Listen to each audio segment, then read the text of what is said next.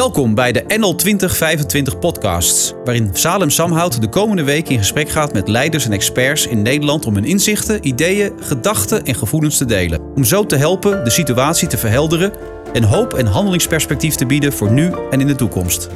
Samen maken we Nederland. Vandaag bij mij te gast Harmjan Stoter, CEO van Intergamma, eigenaar van de bouwmarkten Gamma België en Gamma en. Harmjan, eh, fijn dat je er bent. Ja, dankjewel. Waar ik onder de indruk eh, van jou was dat je zo snel in de gaten had dat die crisis enorm impact zou kunnen hebben. Hoe, hoe voelde je dat aan je water eigenlijk toen? Ja, dat is altijd lastig uh, te zeggen. Uh, ja, als retailer sta je natuurlijk heel dicht uh, op de markt. Ja. En ik probeer ook toch altijd wel echt na te denken. na te denken over dingen die er gebeuren. En je ziet het op een gegeven ogenblik dichterbij komen. Ja. En dan is het toch een kwestie van ja, op, tijd, ja, op tijd beginnen. Zag je door je leveranciers uit China dat je dat, dat zag aankomen? Hoe, hoe voelde je dat dan? Nou ja, toen leveranciers was het natuurlijk nog net andersom. Hè? Ja. Dus we waren volop bezig of we wel spullen konden krijgen. Ja. Maar uh, ja, je las toch dat het dichterbij kwam. En nou ja, toch het gevoel dat wat ze in China aan het doen waren, dat het allemaal wel heel erg werd nou, verzwegen, om het maar zo te zeggen. Ja. En in één keer kwam het toch richting, ja, kwam het richting Europa. Hè? Eind februari, begin maart. Ja. Maar jij nam toen onmiddellijk actie. Je, je contacteerde je banken. Voelde je het gewoon aan, dit kan wel eens echt groot worden. Dit kan wel eens ernstig worden voor mijn bedrijf? Ja, ja, dus wij hebben al begin maart uh, en iedereen zat me ook heel raar aan te kijken. En ik Ja. heb er heel lang over nagedacht. Ik dacht van ja, wat kan het nou betekenen? Ja. En begin maart eigenlijk al uh, tegen mijn bestuur en management gezegd... jongens, we moeten uh, scenario's gaan maken. Dit kan wel eens heel uh, ernstig worden. Het kan best zijn dat de winkels dicht moeten. Nou, Ja. iedereen had zoiets van, nou ja, waar heeft hij het over? Ja. En dat is het gevoel wat ik had. Ja, Hoe, hoe, hoe denk je dan diep na? Hoe gaat dat dan in jouw hoofd? Eh, ja, toch eh, ja, veel lezen. Erover eh, eh, spreken met, eh, met, eh, met mensen. Reflecteren Ja. Daarin. En eh, ja, het is ook een kwestie van intuïtie. Hè? Dus eh, ja, toch gevoel hebben bij de markt. Gevoel hebben bij wat er, eh, wat er gebeurt. Gevoel hebben van wat wel en niet klopt. Hè? En je ziet ook de politiek dan ook wel bewegen. Onze premier natuurlijk ook wel. En dan zie je de boodschap ook steeds wel ja, heftiger worden. ja. Toen je bij die bank kwam, wat was de eerste reactie? Harmjan, overdrijf je niet een beetje? Eh, hoe, ja. hoe ging dat daar gesprek? Ja, dat was heel, eh, dat was heel bijzonder, ja. Dus eh, wij hebben een consortium van banken. Drie Nederlandse grote banken en BNP Paribas. Omdat wij natuurlijk ook in België Tuurlijk. onze winkels hebben. Dat is natuurlijk de marktleider in, in België. Ja, die hadden zoiets van, ja, wat kom je eigenlijk doen? Wat, wat, is er nou aan, eh, wat is er aan de hand? Hè? Ja. En je hebt het toch altijd netjes gedaan. En je bent wel de laatste die we hier verwachten. En wat zei je toen? Ik zei, ja, dat zou wel zo kunnen zijn. Maar ik wil het graag netjes blijven doen. En ik heb daar een gevoel bij. En ik vind het toch plezierig om met jullie erover te spreken. En het van tevoren te regelen en niet, eh, niet achteraf in de problemen te komen. Waren ze toen snel met regelen? Eh, nee, dat niet. Nee, nee, Nee? dat niet. Nee. nee, ze moesten daar wel ontzettend aan, eh, aan wennen. En dan ga je zo'n proces in. Ja, moet dat nou eigenlijk wel? Kun je niet eh, wachten en er is nog niet zoveel. Nou, toen ondertussen werd het eh 13 maart. Hè? Ja. En op 13 maart werd het natuurlijk toch wel helder dat er wat meer eh, aan de hand was. En eh, nou, dan zie je ook zo'n bank eh, alle kanten op bewegen. Hè? Dus je maakt dan wat scenario's. Zeg van, zouden we dan sluiten? Nou, dan gaat het heen en weer. Hè? Dan zeg je van, ja, wij gaan er toch vanuit dat we misschien wel een paar weken dicht eh, Ja. moeten. Nou, dat betekent dit en dat. En eh, nou, aan de ene kant, eh, de banken zeggen dan, die zijn natuurlijk ook risicomijdend van, nou, ga eerst maar eens uit van vier maanden. Hè? Ja. Ik had gedacht drie maanden. Nou, vond ik ook best, best wel straf. Hè? Ja. Maar je weet het niet, hè? En, eh, nou, en eh, nou, toen vier maanden. Nou, als je dat natuurlijk doorrekent, is, eh, Dat is immens. dat is immens, hè? Dat is heel, heel heftig. Toen zeiden ze, nou, doen dat toch maar drie maanden. Nou, dat ging zo een paar keer heen en weer. En ja, dan zie je hoe snel de tijd gaat. Hè? Het is nu een kleine drie maanden geleden. Ja. En ja, het lijkt ook als één flow. Hè? Het is één flow, maar, maar door de dagen gaan en de weken, die Ja. rijgen zich aan één. En, Hey, maar jij zit als een generaal in dat pand bij jullie. Hè? Je bent ook ik, precies hetzelfde. Je bent gewoon ter plekke. Je bent niet thuisgebleven. Nee. Je bent als een generaal bij de troepen of je Ja. bent op het front, zeg maar. Ja, hoe, nou, heb je die keuze, hoe heb je die keuze gemaakt? Ja, ook gevoel denk ik. We hebben wel ontzettend eh, zeg maar afgeschaald hè, op kantoor. Hè. Ja. Dus we hebben eh, eh, het gesplitst in tweeën. Ook vanuit de gedachte toen, hè. Verstel dat één ploeg besmet raakt, dan heb ik nog een reserveploeg, om het maar zo te zeggen. We hebben daar ook gewoon eh, functioneel in verdeeld. En eh, nou, zo zijn we begonnen. En ik zat zelf in de B-ploeg. Om het maar zo eh, te zeggen. jij hoort eigenlijk in de A-ploeg. Nee, nee, de B was voor best, hè. De, de. B van beste ploeg. ja. En nou, zo zijn we gestart. Maar toen moest ik de week erop eigenlijk officieel thuis blijven. Nou, dat heb ik op één dag gedaan, geloof ik. Maar dat gaf me toch... Dus jij zit in de A- en de B-ploeg. ik zit in de A en de B-ploeg, ja. Ondertussen hebben we het iets veranderd. Ja. Dus we hebben nu maximaal 125 mensen op kantoor. Hè, want de oproep is natuurlijk nog steeds zo weinig mogelijk. Ja. We zitten ongeveer op een kwart van, eh, nou ja, van de bezetting eh, nu. En daar kunnen we ook alle veiligheidsmaatregelen, et cetera, kunnen we ook eh, ja, prima, prima houden. Ja, eh, die bewuste keuze om je eigen gezondheid een beetje in gevaar te brengen. Was dat een probleem voor je? Of zei je, nou, dan krijg ik maar corona. Hoe, hoe zat je daarin? Nou, het was denk ik meer een probleem voor eh thuisfront. Ja, Eh, ik woon in het noorden van het land. ja, En eh, dat was natuurlijk toch veel minder eh, ja, heftig, hè? Als, eh, zeker als in het zuiden, ook als in het eh, midden. Dus ook gewoon wat meer ruimte. Mensen zijn ook wat voorzichtiger, denk Ja. ik, in het noorden. ja.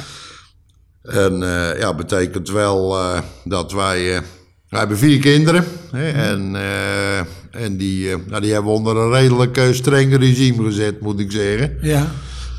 Vanuit de redenering ja, dat ik wel aan het werk was en voorzichtig. En thuis ook voorzichtig. Hè, ik woon, nou, net als jij, mooi vrij. ja. Dus ophaalbrug omhoog, om het maar even zo te Maar zijn zeggen. ze, jouw kinderen niet ongerust over eh, die, eh, die woeste vader die aan het werk moet? Eh, ja, ze zijn wel ongerust, maar dat helpt zo ook om, ja, om ook thuis te blijven, om het maar zo te zeggen. Dus dat heb ik ook zeer uitvoerig met ze besproken. Ja. Ging je ook naar de winkels in Brabant en België toe? Reisde je daar ook naar af? Nee, winkels wel in de, in de buurt, zeker wel in winkels ook geweest. hè, Omdat de winkels ook open waren. Ja, Ik merkte ook wel eh, dat medewerkers dat ook wel bijzonder vonden. Dus ik ging ook gewoon eh, naar de kantine. Ja. Hè, en eh, gewoon een kop koffie drinken met de mensen spreken. Ja, dus iets van, ja, wat doet u hier dan? Ja, nou ja, als jullie moeten werken en ik vind dat het hier veilig voor jullie is... dan moet het voor mij ook veilig zijn. hè. ja. En als ik daar twijfel over heb, dan had ik ook de winkel niet open gedaan. Hè? Ja, dat snap ik. Hey, en eh, toen moest België vier weken dicht. Ja. Hoe is dat voor een retailer om zijn winkels te moeten sluiten? Ja, vreselijk. Ja, vreselijk. Ja, Ja, ik bedoel, hoe- je maakt plannen. Ik zei al, wij hadden al in een vroegtijdig stadium eh, dit ook echt als optie eh, uitgewerkt. Is een reëel scenario. En eh, ja, eh, als je er daarnaar kijkt, als het echt gebeurt... Ja, emotioneel natuurlijk eh, ja, heel, eh, heel heftig. Ook voor franchise-nemers, et cetera. Ja. Ging ook best heel, eh, dat ging ook best heel snel. Hè? Je ziet ook de Belgische overheid is daarin toch ook wat minder helder als eh, hè, de Nederlandse. Best trots zijn op het Nederlandse Ja, overheid. absoluut, absoluut. En in België hebben ze er ook vier. Hè? Ja. Die elkaar ook eh, regelmatig hè, ook nog wel tegen spreken. Nou ja, toen was helder dat we dicht moesten. We zijn ook eerder dicht gegaan. Om het ordentelijk te doen. Ik moet ook zeggen dat de situatie daarvoor, een dag daarvoor, heb ik zelf nog heftig discussie gehad met mijn management in België. Van ja, is dit nog eh, houdbaar? Hè? Mensen waren in de winkels ook ontzettend ongerust. Het was natuurlijk onbekend wat het allemaal was. Ja. En eh, klanten gedroegen zich soms eh, ja, raar. Hè? Dus eh, echt wel overwogen van nou, we moeten misschien wel vrijwillig eh, gaan, gaan sluiten. Dat was toen die fase. Nou, de overheid die nam toen toch besluit, eh, ja, sluiten. En dat hebben we eigenlijk heel ordentelijk gedaan. Want Ja. we hadden een perfect draaiplan hoe we dat eh, ja, zouden moeten doen. ja. Dus dat was, eh, ja, dat was vreemd. Hè? Maar dat dondert ook meteen die cashflow in elkaar, zeg maar, in zo'n retailbedrijf, denk ik. Ja, dat is natuurlijk het grote probleem van een retailer. Hè? Niet iedereen realiseert zich dat. Ja. Maar ja, je hebt natuurlijk je voorraden. En, eh, en zeker bij ons. Hè? Wij hebben natuurlijk relatief veel voorraad met een, eh, een lage omloopsnelheid. En eh, ja, die staat stil in één keer. Hè, dus hebben we bijvoorbeeld in België hebben we 75 miljoen voorraad in de winkels zitten. Ja, daar staat daar zoveel weken stil. En een deel daarvan is gefinancierd door leveranciers. Ja. En eh, ja, dan moet je in feite zelf gaan overnemen. Hè? Want eh, of je moet zeggen, ik betaal mijn leveranciers Hoe heb je eh, dat gedaan? Heb je als groot bedrijf je kleine leveranciers gewoon doorbetaald? Hoe heb je dat gedaan eigenlijk? In België hebben we wel het gesprek aangegaan en gezegd van ja, wat gaat dit nou precies betekenen? Ja. Ik heb ook wel gekeken wat de concurrentie doet. Ja. En nou, ik vind dat je verplichtingen moet, moet nakomen aan, hè, aan leveranciers. ja. En eh, dat hebben we ook gedaan. Of je moet afspraken maken. Als je gezamenlijk afspraken maakt, dan zeg je van nou, we betalen twee of drie weken later. Nou, dat kan hè. ja. Ben je, Maar, goed eh, vrienden, ben je daardoor betere vrienden met je leveranciers geworden doordat je je zo netjes hebt opgesteld? Nou, ik, ik denk dat wij altijd. eh, kijk, als ik naar al mijn eh, partners kijk, hè, die ik toch nodig heb. Ja. Dan zijn leveranciers voor mij ook buitengewoon belangrijk. Hè? Want zelfs als je dicht bent, eh het heeft voor mij ook geen enkel nut om een leverancier mee te trekken in, Nee. een, eh, in een val. Want daarna ja, wil ik ook wel graag dat hij weer gaat leveren. Ja. Dus je moet het toch samen eh, doen. Ja. Zo heb ik er altijd naar gekeken. Dus ik ben niet de meest eh, vriendelijke man altijd hoor. Dus het gaat, eh? Ja, het moet ver gaan. Het gaat soms eh, strak. En ik verwacht zaken van mijn leveranciers. Maar die mogen ze voor mij ook, eh, mogen ze voor mij ook verwachten. Gewoon afspraak is afspraak ook in deze coronatijd. Ja, ja.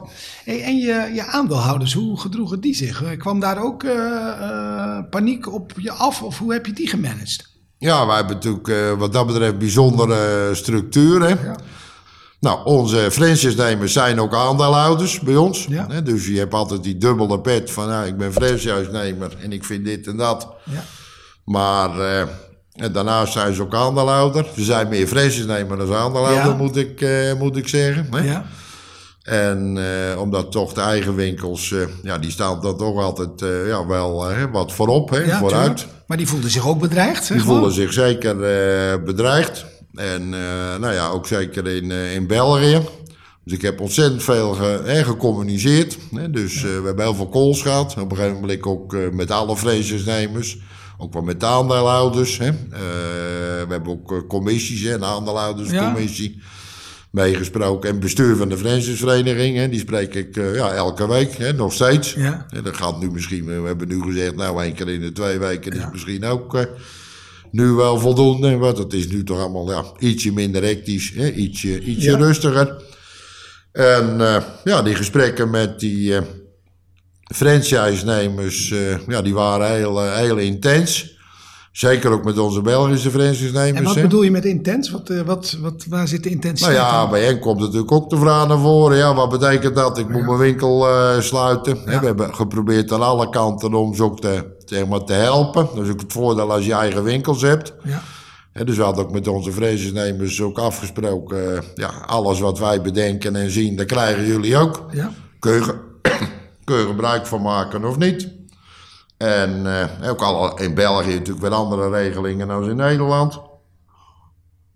Bij, eh, bij het sluiten van, eh, van winkels, fiscaal weer anders. Nou, een aantal andere zaken anders. Nou, daar hebben ze mee geholpen.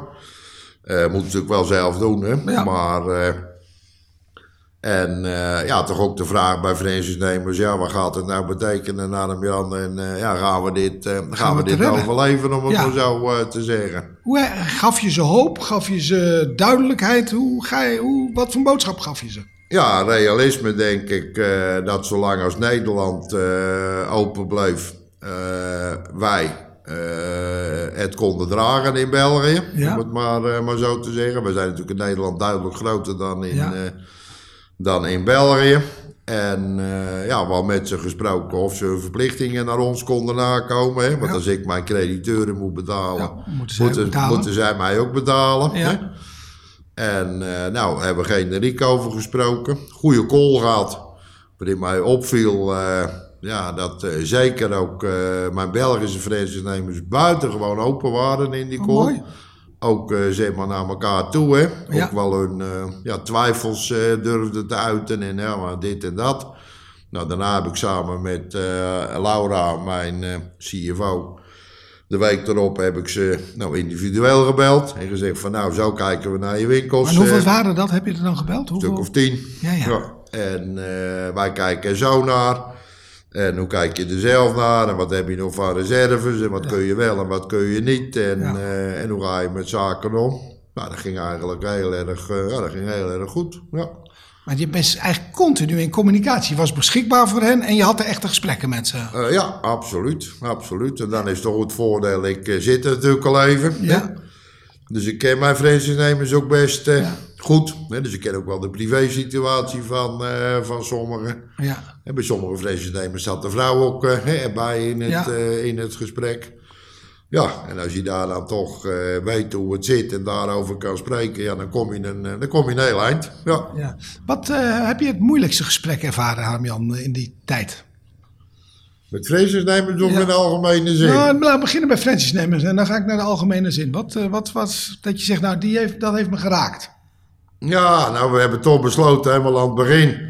Want we wisten niet wat er gebeurde. Ik gaf net het voorbeeld van die 75 miljoen eh, Ja. voorraad in, eh, in, eh, in België. Nou, alles bij elkaar hebben wij 400 miljoen voorraad in het hele systeem.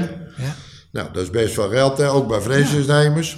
Dus we hebben toch aan het begin vrij snel besloten om, eh, om eh, de kraan dicht te draaien. Ja. Om te zeggen, nou ja, zo weinig mogelijk voorraad naar de winkels toe. Want ja, straks staan we stil. Ja. En dat moet allemaal wel betaald worden. Dat is een immens bedrag. Ja. En eh, ja, dat is natuurlijk best een zwaar besluit, ook voor franchise-nemers. Hè, Dus eh, wij hebben aan het begin, helemaal aan het begin al eh, een aantal stelregels eh, opgeschreven. Gezegd van ja, daar willen we ons aan, eh, aan houden. Ja.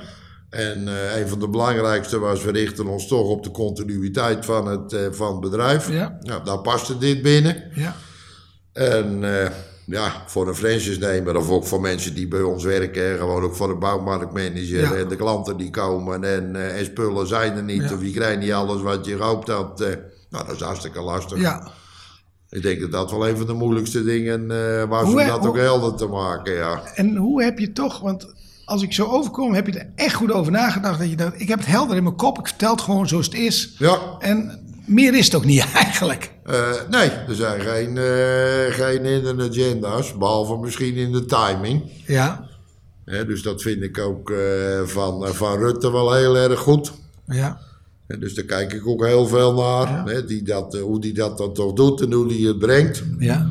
En eh, ja, hij vertelt wat op dat moment eh, nodig is. En hij, hij is natuurlijk in zijn denken ook best Ja. veel verder. Maar als dat niet functioneel is, ja, dan, dan doet hij dat nog niet op dat, hè, op dat Ja. moment.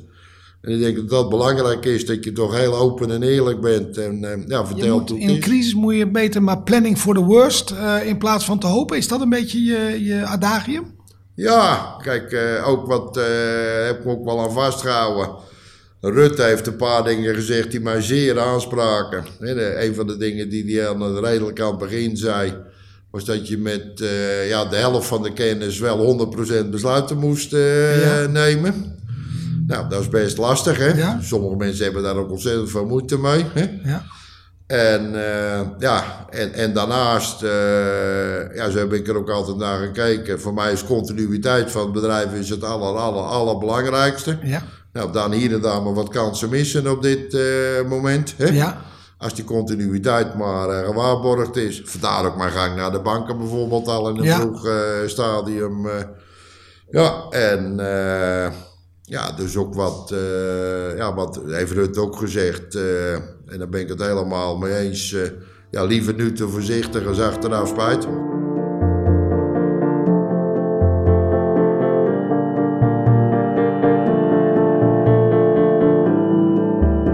Zullen we eens, want jij had een goed voorzienige blik in het begin, zeg maar. Laten we eens even naar voren kijken. En, eh, want ik denk dat er eigenlijk twee periodes komen. De komende drie, vier maanden waar waarschijnlijk nog harde besluiten moeten worden genomen. Ja, Maar daarna moet je ook nog weer naar kansen kijken, naar weer groei kijken. Ja. Hoe, laten we eerst de- de komende drie maanden. Wat voorspel jij, niet alleen voor Intergamma, maar voor het hele Nederlandse bedrijfsleven? Wat voorspel je de komende drie maanden? Wat gaat er daar gebeuren? Ja, dat is natuurlijk heel erg verschillend per bedrijf. Hè? Maar laten we het allemaal op Intergam houden. Wat, Ja, eh, nou ja, maar goed, als je dat in de breedte ziet. Er zijn natuurlijk bedrijven die hier onwaarschijnlijk door geraakt worden. Hè, die ook niet zo snel zullen herstellen. Hè, Omdat die natuurlijk aan die ja, anderhalve meter economie, Ja. het maar noemen wil, niet kunnen voldoen. Wat dat betreft zijn wij natuurlijk spekkoper. ja, jullie. Want Want dat, wij hebben natuurlijk een, hele, wij hebben een geweldig netwerk. eh, anderhalve meter afstand eh, ja, is voor ons geen issue. Hè? ja, Mits we aan de ingang, en dat hebben we natuurlijk ook gedaan, eh, het goed reguleren, kunnen we dat wel eh, kunnen we dat goed invullen. En eh, ja, ik denk als je naar het hele bedrijfsleven kijkt, ja, tot nu toe merken we er niet zoveel van. Dat is heel bijzonder. Omdat de overheid heeft natuurlijk zo gigantisch in Nederland... maar is het niet uitstel van executie? Eh, absoluut, ja. Wat, voor- wat voorspel je? Dat het gewoon echt de werkeloosheid met klappen naar binnen zal komen en faillissementen enorm zullen toenemen? Eh, ja, ik denk dat dat absoluut gaat gebeuren. De werkloosheid is op dit moment al rond de 13 procent. Als je het echt uitrekent, hè, voor mensen die thuis zitten en waar eigenlijk geen zicht is dat ze weer eh, Ja. aan het werk zullen komen. Maar het wordt tot nu toe natuurlijk allemaal eh, ja, netjes opgevangen. En dat heeft de overheid fantastisch gedaan, vind ik. Hè. Heel snel Ja. toch daarin gereageerd. Ja, nu nog een keer verlengd. Eh, dit is het ook wel, denk ik. Ja. Eh, want het is ook nog een verlenging voor vier maanden. En eigenlijk is geen vier maanden, hè, maar eigenlijk is zes, zeven maanden. Ja. Hè. Dus als je aan het einde van de periode nog een keer eh, dat doet, dan loopt het ook nog gewoon door tot het einde van het jaar. Nou, dat is nog wel heftig, hè, wat ze, wat ze daarin doen. En het Centraal Planbureau, die schreef er gisteren natuurlijk iets, iets over. Ja. Ja, ik denk dat dat eh, klopt. Het is toch een belangrijk instituut. Ja. En eh, ja, er is veel verborgen werkloosheid op dit moment. eh. Wat, wat voorspel jij voor, of nee, wat zou je dat soort bedrijven adviseren die door die anderhalve meter economie zo worden geraakt en niet zo sterk zijn? Zeg je snel maar de knoop doorhakken, failliet laten gaan en ja, neem je verliezen maar. Hoe, wat, een bedrijf die struggelt nu in deze fase. Hè? Ja. Wat zou jij doen, jij als eh, ondernemer? Ja, dat ligt eraan of je echt eh, uitzicht eh, ziet. Hè? Maar dat is ook best heel lastig. Hè? Ja, Omdat er natuurlijk toch, ja, wanneer komen er nou medicijnen en kunnen mensen ingeënt worden en krijgen we het weer genormaliseerd, ja of nee?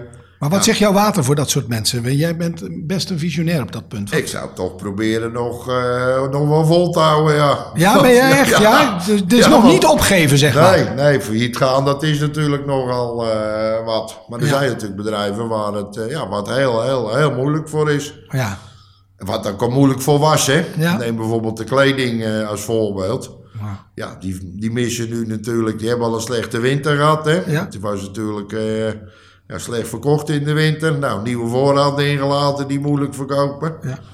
Ja, dus eh, ik zeg ook tegen mensen, eh, ja, voorraden verkopen, verkopen, uitverkopen, om het maar zo te zeggen. Maar je ziet ook anderen die zeggen, ja, dat moet je nou net niet doen. Ja, Ja, je moet ruimen, hè. ja, En zorgen dat de voorraad weg is.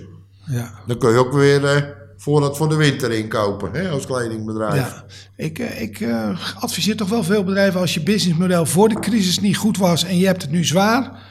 Het is beter sluiten of iets op waakvlam te zetten, want zo blijven doorkabbelen, dat is alleen maar ellende nee, dat werkt ook niet. Dat werkt Nee, volgens mij niet. Dat werkt ook niet. Is het, eh. Nu eens naar jouw bedrijf. Want als ik over me- veel mensen zeg, nou, die, die bouwmarkten, die hebben het echt goed daar. Die moeten wel bakken met geld verdienen op dit moment. Is dat ook zo? Laat ik dat eens eerst bij je testen of dat zo is. En eh, vervolgens, nou dan de volgende drie maanden. Ja, nou ja, je ziet, hè, eh, je ziet daar ook cijfers van. Hè. Dus, eh, en dus wij hebben tijdens de crisis als branche groei gemaakt van 20, 30 procent. Man. Dat is natuurlijk heel bijzonder. Ja, Terwijl we ook nog de winkels ja, minder uren open hebben. Hè. Maar we hebben ook vanuit veiligheid en zo ja, druk op personeel besloten om, om zes uur s'avonds uh, dicht te gaan. Hè? Ja. Als branche, hè? ook Ja. uniek. Hè? Dat is denk ik heel goed mooi. dat we dat gedaan hebben. Hè? Veiligheid ook voor onze mensen, want die druk was immens. Hè? Ja, Immens. Hè? Toen eh, aan het begin, wat wij kregen een, eh, een stortvloed van klanten op ons af. ja, Mensen zaten thuis, die moesten wat gaan doen. Hè? Ja. En eh, nou, die dachten allemaal, het weer eh, sloeg ook om, het werd mooier weer. ja, Hè, begin maart was het nog heel slecht, maar daarna werd het goed. Ja. Ja, dus mensen die wouden gaan klussen in de tuin en, eh, ja, en, en schilderen vooral. Hè. Ja. Dus hoeveel Ja, verf hebben nee, met bakken verkocht, hè. Ongelooflijk.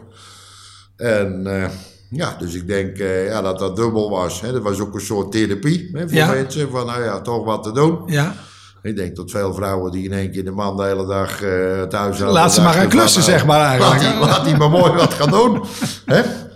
Ja, dus dat was voor ons toch heel bijzonder. En onze mensen in de winkels, eh, ja, die moesten dat aangaan. Hè? Dus we Ja, hebben ook als, ja. de, als de sodemieter allerlei maatregelen genomen van schermen, plexiglas. Dat is voordeel als je naar Ja, bouwmarkt ja, bent. dan heb je dat. Maar hebben dat soort spullen. Ja, dus ja. dan komen we ook redelijk snel. eh, alleen zeep konden we moeilijk aankomen. Ja. Hè? Maar goed, dat hebben we ook wel geregeld. En maskers hadden we natuurlijk. Ja. Want die hebben we geleverd. Hè? Dus die heb ik uit de winkels gehaald. Hè? Omdat er gewoon geen maskers Ja, ja, waren. ja, hè. Dus die hebben we aan het Erasmus eh, gegeven, Oh, gestuurd. Ja, dat was toen eh, echt, eh, Ja, was echt, een- ja. echt paniek. Hè? Van, we moeten maskers hebben. En nou, dus op deze manier ja, hebben we die stappen gezet. En dan ben ik even je vraag. Maar, maar Arjan, even nog even. Je zoon zegt, na Jaap van Dissel is Ja. mijn vader misschien wel het meest pessimisme. Ja. Maar tegelijkertijd stroomt de omzet hier in Nederland binnen 20, 30 procent. Ja, dus dat maakt het Hoe, ook eh, moeilijk. Hoe, ja, Hoe, ja, hoe ga je daarmee om? Want daar moet je toch ook vrolijk van worden. eh, ja, ik ben Dat- ook best wel vrolijk, moet ik zeggen. maar hoe eh, kijk je daaraan? Is dit het moment waar jullie door kunnen groeien? Dat je je digitale agenda sneller kan implementeren? Eh, investeringen eh, kan doen die je anders eh, niet zou doen? Hoe ga je daarmee om? Ja, nou, ik hou toch nog steeds rekening mee dat er mogelijk nog een keer een nieuwe lockdown komt. Ja, dus, en, en, dan de winkels ook dicht? En de winkels dus dicht, ja, Ja. ook de winkels dicht. Ja. En dat kan in Nederland zijn, in België, kan in beide landen zijn. Ja. Hè, dus het plan wat we nu met de bank hebben besproken, dat is nu ook rond. Ja. Dus ik heb toevallig net vanochtend, voor ik hierheen kwam, eh, raad van commissarissen gehad en Ja. dat nog even besproken. Dus dus we hebben nu met de banken eigenlijk een plan ontwikkeld. Nou, dat wij een aantal zaken gaan, eh, gaan doen, veranderen. Ja. En eh, om ook eh, voorbereid te zijn op de crisis die eh mijn Ja. inziens wel, wel komt. En waarbij we ook een, een lockdown van een behoorlijke tijd ook nou, kunnen doorstaan. hè. ja, ja, ja. Dus dat heb je wel voorzien, zeg maar. Dat heb ik voorzien, ja. Dus dat heb ik ook geregeld. Ja, Dus je hebt eigenlijk een zekerheidje, zeg maar. Als de lockdown het ergste komt, daar ben je klaar voor. ja. Ben je ook klaar voor om die snelle stap met digitalisering te doen? Want ik denk dat jullie klanten ook veel meer digitaal willen kopen. eh, producten met digitale hulpmiddelen erbij ja. willen hebben. Nou ja, absoluut. Dus eh, daar hebben wij met de vorige crisis toch wel heel bijzonder. Dus eh, ja, de eurocrisis, zeg Ja. maar, eh, hè, 2008, 2009, eh, bankencrisis. eh, hebben we toen ook lang over gesproken. En daar hebben we gigantisch in geïnvesteerd. En eh, dus we hebben ook geld eerst opgehaald. Ja. Dus ik denk dat dat ook eigenlijk eh, de weg is hoe je het zou moeten doen. Ja. Ook geprobeerd om eh, geld te genereren. Door processen te veranderen, inkoop te veranderen, veel meer gaan sourcen, logistiek Ja. veel meer in eigen hand gaan nemen. Nou, een aantal kostenbesparingsmaatregelen genomen. En dat geld hebben we in feite terug geïnvesteerd in, eh, ja, in de digitale wereld. Ga je dat nu weer doen, in de digitale wereld verder te investeren? Eh, dat is een van de discussies die we natuurlijk hebben op dit eh, moment. Maar het principe van zien dat we zeg maar, nou, geld besparen. Wat we weer kunnen investeren in de klant. Hè? Ja. En in de weg voorwaarts. ik denk dat dat een zeer juiste principe is. Ja. Waar we het dan precies wel en niet in gaan, eh, gaan steken. Ja, dat zullen we de komende maanden ook moeten... eh, En ben jij, een CEO, ben je een CEO die de hand echt nog op de knip houdt? Of zeg je een aantal dingen wil ik toch wel de, ja, de bets op doen dat je zegt dit wil ik gaan doen? Hoe zit je daar zelf in? Ik hou hem op de knip, totdat ik, eh, als ik in de knip kijk, dat er voldoende geld in zit. En dan wil ik het ook wel uitgeven. Maar als ik jou zo hoor, heb je nou best wel een beetje geld in de knip zitten. Met die 20, 30 procent omzetstijging. Eh, ja, absoluut. Ja. Dus dat, eh, een deel zit natuurlijk ook bij de franchise-nemers hè, en niet Ja. alleen bij ons. Maar eh, dat is een beginnetje. Maar goed, ik gaf net al aan, eh, 400 miljoen euro voorraad. Hè. En als je twee of drie maanden stilstaat, ja, dan eh, komt het grootste deel van die financiering van die voorraad, die komt, ja, die komt naar mij toe. Heb je daar, eh, want Dat is, echt, eh, dat is natuurlijk echt gigantisch veel geld. dat is gigantisch veel geld. Dus eigenlijk zit in je achterhoofd, die kan die twee, eh, drie maanden, eh, eh, dat kan gesloten worden. Dus dat, Ja. dat, dat is de angst die er nog een deel eh, voor jezelf in zit. Ja. Ehm, al je risico manage je enorm goed, heb ik het gevoel. Maar wat zijn nou de nieuwe kansen ook die hier zitten? Ja, wij zien heel veel eh, nieuwe klanten, die zien we online. Ja. Eh, zeker omdat onze propositie eh, daarop eh, beter is als van eh, onze concurrenten. Maar vooral ook in de winkels. Hè. Heel veel eh, mensen die eigenlijk normaal niet klusten, die nu tijd hebben. En die toch zeggen, ja, dat gaan we toch, toch doen. En ja, daar liggen denk ik enorme kansen. Ook, ook online weer. Hè. Wij hebben het ook programma's waarin we mensen helpen. Zeg maar, eh, ja, hoe doe ik het? Hè? Hoe, hoe moet ik behangen? Of hoe haal ik het behang van Ja. de muur? Eh, Daar hebben we keurige filmpjes en instructies van. Ja, En eh, ik merk het ook in de winkels. Dat is ook best lastig, hè? Als ik met de bouwmarktmanager door een winkel heen loop, ja, hoe onwaarschijnlijk veel die aangesproken wordt door klanten van hoe moet ik dit, hoe moet ik zus, hoe Ja. moet ik zo. En ja, als wij die mensen zeg maar, daarin kunnen helpen, ja, dan hebben we een enorme nieuwe klantenkring. Ik sprak ook met Michiel Muller van Picnic. En ik was enorm onder de indruk wat voor data zij allemaal van klanten weten. Hebben jullie, zijn jullie daar ook al op ingericht? Dat je al die data van die klanten hebt en dat je nog dichter bij die klanten komt en dan al kan bijna voorspellen wat ze nodig hebben over zes maanden. Eh, ja, voor een deel wel. Maar waarbij voor een picknick dat natuurlijk veel makkelijker Ja. is dan voor ons. Want dat zijn natuurlijk klanten die elke week eh, eh, zeg maar, Ja. eh, toch vast spullen kopen en daarnaast andere. Ja. We hebben een ander soort klanten. Wij hebben ook klanten die misschien vier weken lang elke dag bij ons komen. Ja, En daarna misschien anderhalf jaar niet. En Ja. Dus voor ons is de, is de grote kans om ze eerder ja, op te pikken, hè, ook, ook qua data. Ja. En dan te voorspellen wat ze nodig hebben. zijn jullie al ver met die big data dat je al voorspellende waarden hebt? Ja, wat is ver? Relatief zijn we, zijn we, vol mee, eh, zijn we wel vol mee bezig. Willen we ook echt op inzetten nog eh, Ja. verder de komende eh, jaren. En eh, daar gaan we nog wel grote stappen Eh, in zetten. Maar eh, minder winkels ver als in de supermarkt. Dat zou kunnen gebeuren. Wat Ehm, wat veel denk je met de koopkracht van de Nederlanders? Wat gaat daarmee gebeuren? Want dat is natuurlijk de echte risico, denk ik. Ja, die komt natuurlijk gigantisch onder druk. Gaan dan mensen, als de koopkracht omlaag gaat, gaan de mensen dan weer meer klussen, dat je daar toch van gaat profiteren? Of merk jij dat ook in je winkels? Ja, klussen hangt van een aantal dingen samen. Dus de grote klussen, die zullen minder worden. Ja, Want dat heeft ook te maken met hoe is de woning eh, en hoe is de waarde van een woning, et cetera. En als je investeert in een woning, eh, krijg je dat dan weer eh, terug. Hè? Dus grote dingen als een nieuwe keuken Ja, of een ja. nieuwe badkamer. Nou, dat zal vast wel minder worden, was voor de crisis ook. ja. Gewoon decoration, onderhoud, schilderen, behangen, leuk lampje ophangen, et cetera. Dat gaat wel door. Hè? Dat gaat wel door. Zeker in deze tijd is onze inschatting ook wel. Hè? ja. Want het huis was al belangrijk, maar wordt natuurlijk toch Ja. belangrijker. Hè? Want mensen trekken zich toch wat meer terug op de, ja. ja, de eigen stek. Hè? Nou, willen het daar dan toch eh, leuk, Ja. gezellig hebben. ja. Dus eh, daar, liggen zeker, eh, ja, daar liggen zeker kansen. En mensen zullen nu weer meer zelf gaan doen. Hè? En dat heeft te maken met geld. Hè? En dat heeft ook te maken misschien ook wel met andere tijdbestedingen. Ik hoef nu ook niet meer naar het voetbalveld op zaterdag... Nee. om naar het voetballen van mijn kinderen te gaan kijken. Hè. Dat mensen gaan niet op vakantie, en mensen gaan niet op mensen vakantie. gaan niet op vakantie. Dus mensen krijgen een andere tijdsbesteding en krijgen ook meer tijd. En daar liggen voor ons ook wel kansen. Hè, om mensen ook te helpen. Hè, mensen ook uit te leggen hoe ze het moeten doen. Maar Hamjan, vertel me dan nog eens één keer in je hoofd hoe dat zit. Je hebt aan de ene kant die downside met die twee, drie maanden lockdown die je voorspelt. Ja. En aan de andere kant hoor ik je ook enorme omzetkansen zien. Hoe, ga je dat, hoe doe je dat in je kop, zeg maar? Manage, hoe manage die twee?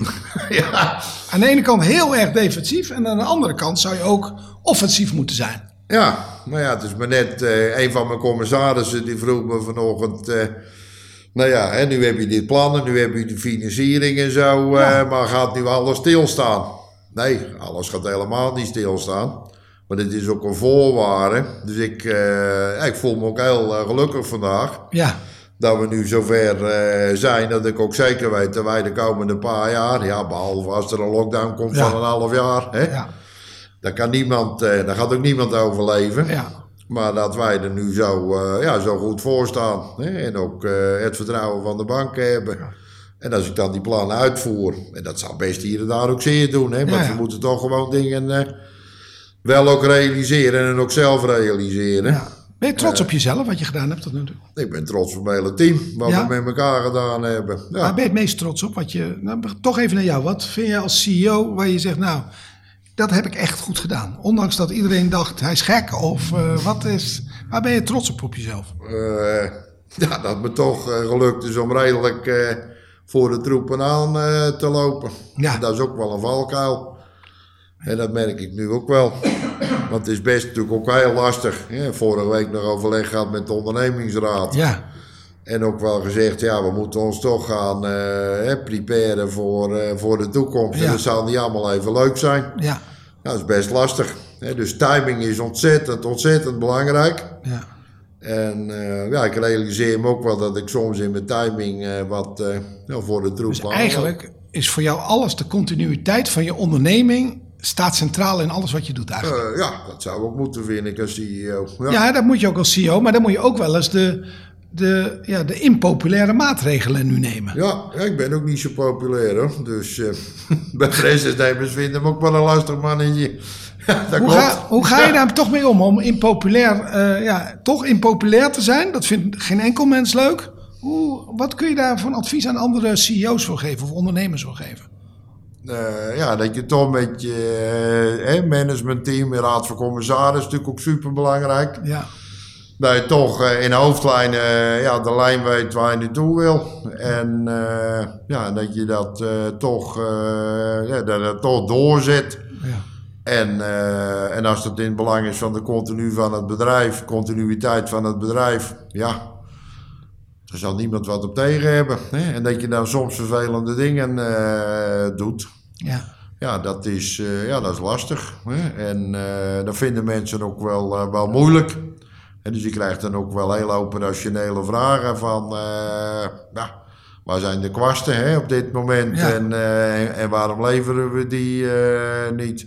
Nou, daar doen we alles aan om dat te doen. Maar de continuïteit staat, staat voorop, ja. Hoe is het met je persoonlijke energie? Want eh, ja, je bent al heel lang CEO van eh, dit Ja. bedrijf.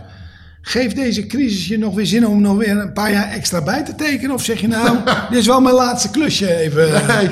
Nou, toevallig gisteren, eh, gisteren met de voorzitter en de vicevoorzitter van de Raad van Commissarissen over gesproken. Ja, en? Ik heb nog energie genoeg, ja. Wat ja. zeg je? Je hebt nog genoeg plezier? Ja, ook en energie ook. Dus eigenlijk geeft deze crisis je weer extra energie om misschien wel door te zetten eigenlijk. Eh, ik hou wel van veranderingen, ja. Ja, absoluut. Dus dat geeft mij wel, eh, ja, dat geeft mij wel energie, ja. Ik ben geen CEO die, eh, zeg maar, het door laat kabbelen en niks, niks verandert. Dus eigenlijk voor jouzelf is dit wel een mooie tijd als ik Oh zo... ja, ik had liever andere dingen gedaan. Ik had ook nog wel andere plannen, moet ik zeggen, die dan nu eventjes eh, Doorkruisen, doorkruisen. Maar ja, je moet hier nu wel mee handelen. hè. volop aan de bak. Ja. En ik ga ervan uit dat wij als bedrijf hier ook sterker eh, uit zullen komen als voor die tijd. Ja. Wat is, de, wat is het... eh, laatste vraag. Wat is bang wat je nog mist? En welke fout denk je dat je nog in, in de komende zes maanden gaat maken? Eh, ja, dat is een goede vraag. Want eh, dat is ook iets waar ik zelf ook heel veel eh, over nagedacht heb. hè, van wat mis Ja, ik nou? ja. Hè? Wat, wat, ja, wat, wat zie je niet? Hè? Ja? En, maar ja, daar heb je natuurlijk je team voor nodig. Hè, die Ja. daar ook zeg maar in meehelpt om daarin mee te denken en, en dingen aangeeft. Durven ze je tegen te spreken in deze fase? Sommigen wel en sommigen hebben daar wat moeite mee. Ja. Alleen ik, eh, ik denk dat ik... eh, nou, ik ben denk ik best wel dominant. Hè? Ja? ja. Maar eh, ik denk dat ik veel beter luister als de meeste mensen denken. Dat neem, ik ook wel, dat neem ik ook wel mee. En dit is wel een van de grote angsten die je hebt. Van ja, wat overzie ik dan, dan niet? ja. Maar ik probeer wel heel, heel, heel snel te reageren. Hè? Dus nou, bijvoorbeeld eh, wat je ziet in de slachthuizen. Hè? Wat de laatste paar weken toch gebeurt. Nou stel je voor dat eh, ons grote distributiecentrum eh, Ja. ook zoiets overkomt. ja.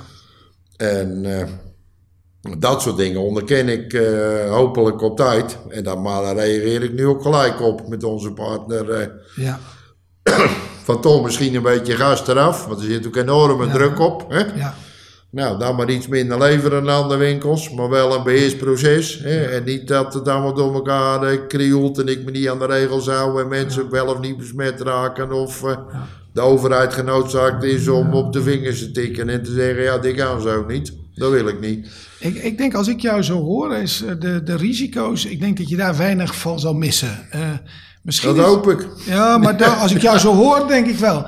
Ik denk wat het enige wat ik het als risico inschat, is dat je je innovatieagenda niet snel genoeg doorvoert. Dat je toch in je angst en je risicobeperking, eh, ik weet niet, maar dat zou mijn enige angst zijn dat je als je twee jaar later kijkt, had je gezegd, laten we deze kies ook gebruiken om de volgende stap in digitalisering en innovatie te maken. Dat zou mijn enige, als ik je zo hoor eigenlijk. Hoe kijk je daar tegenaan?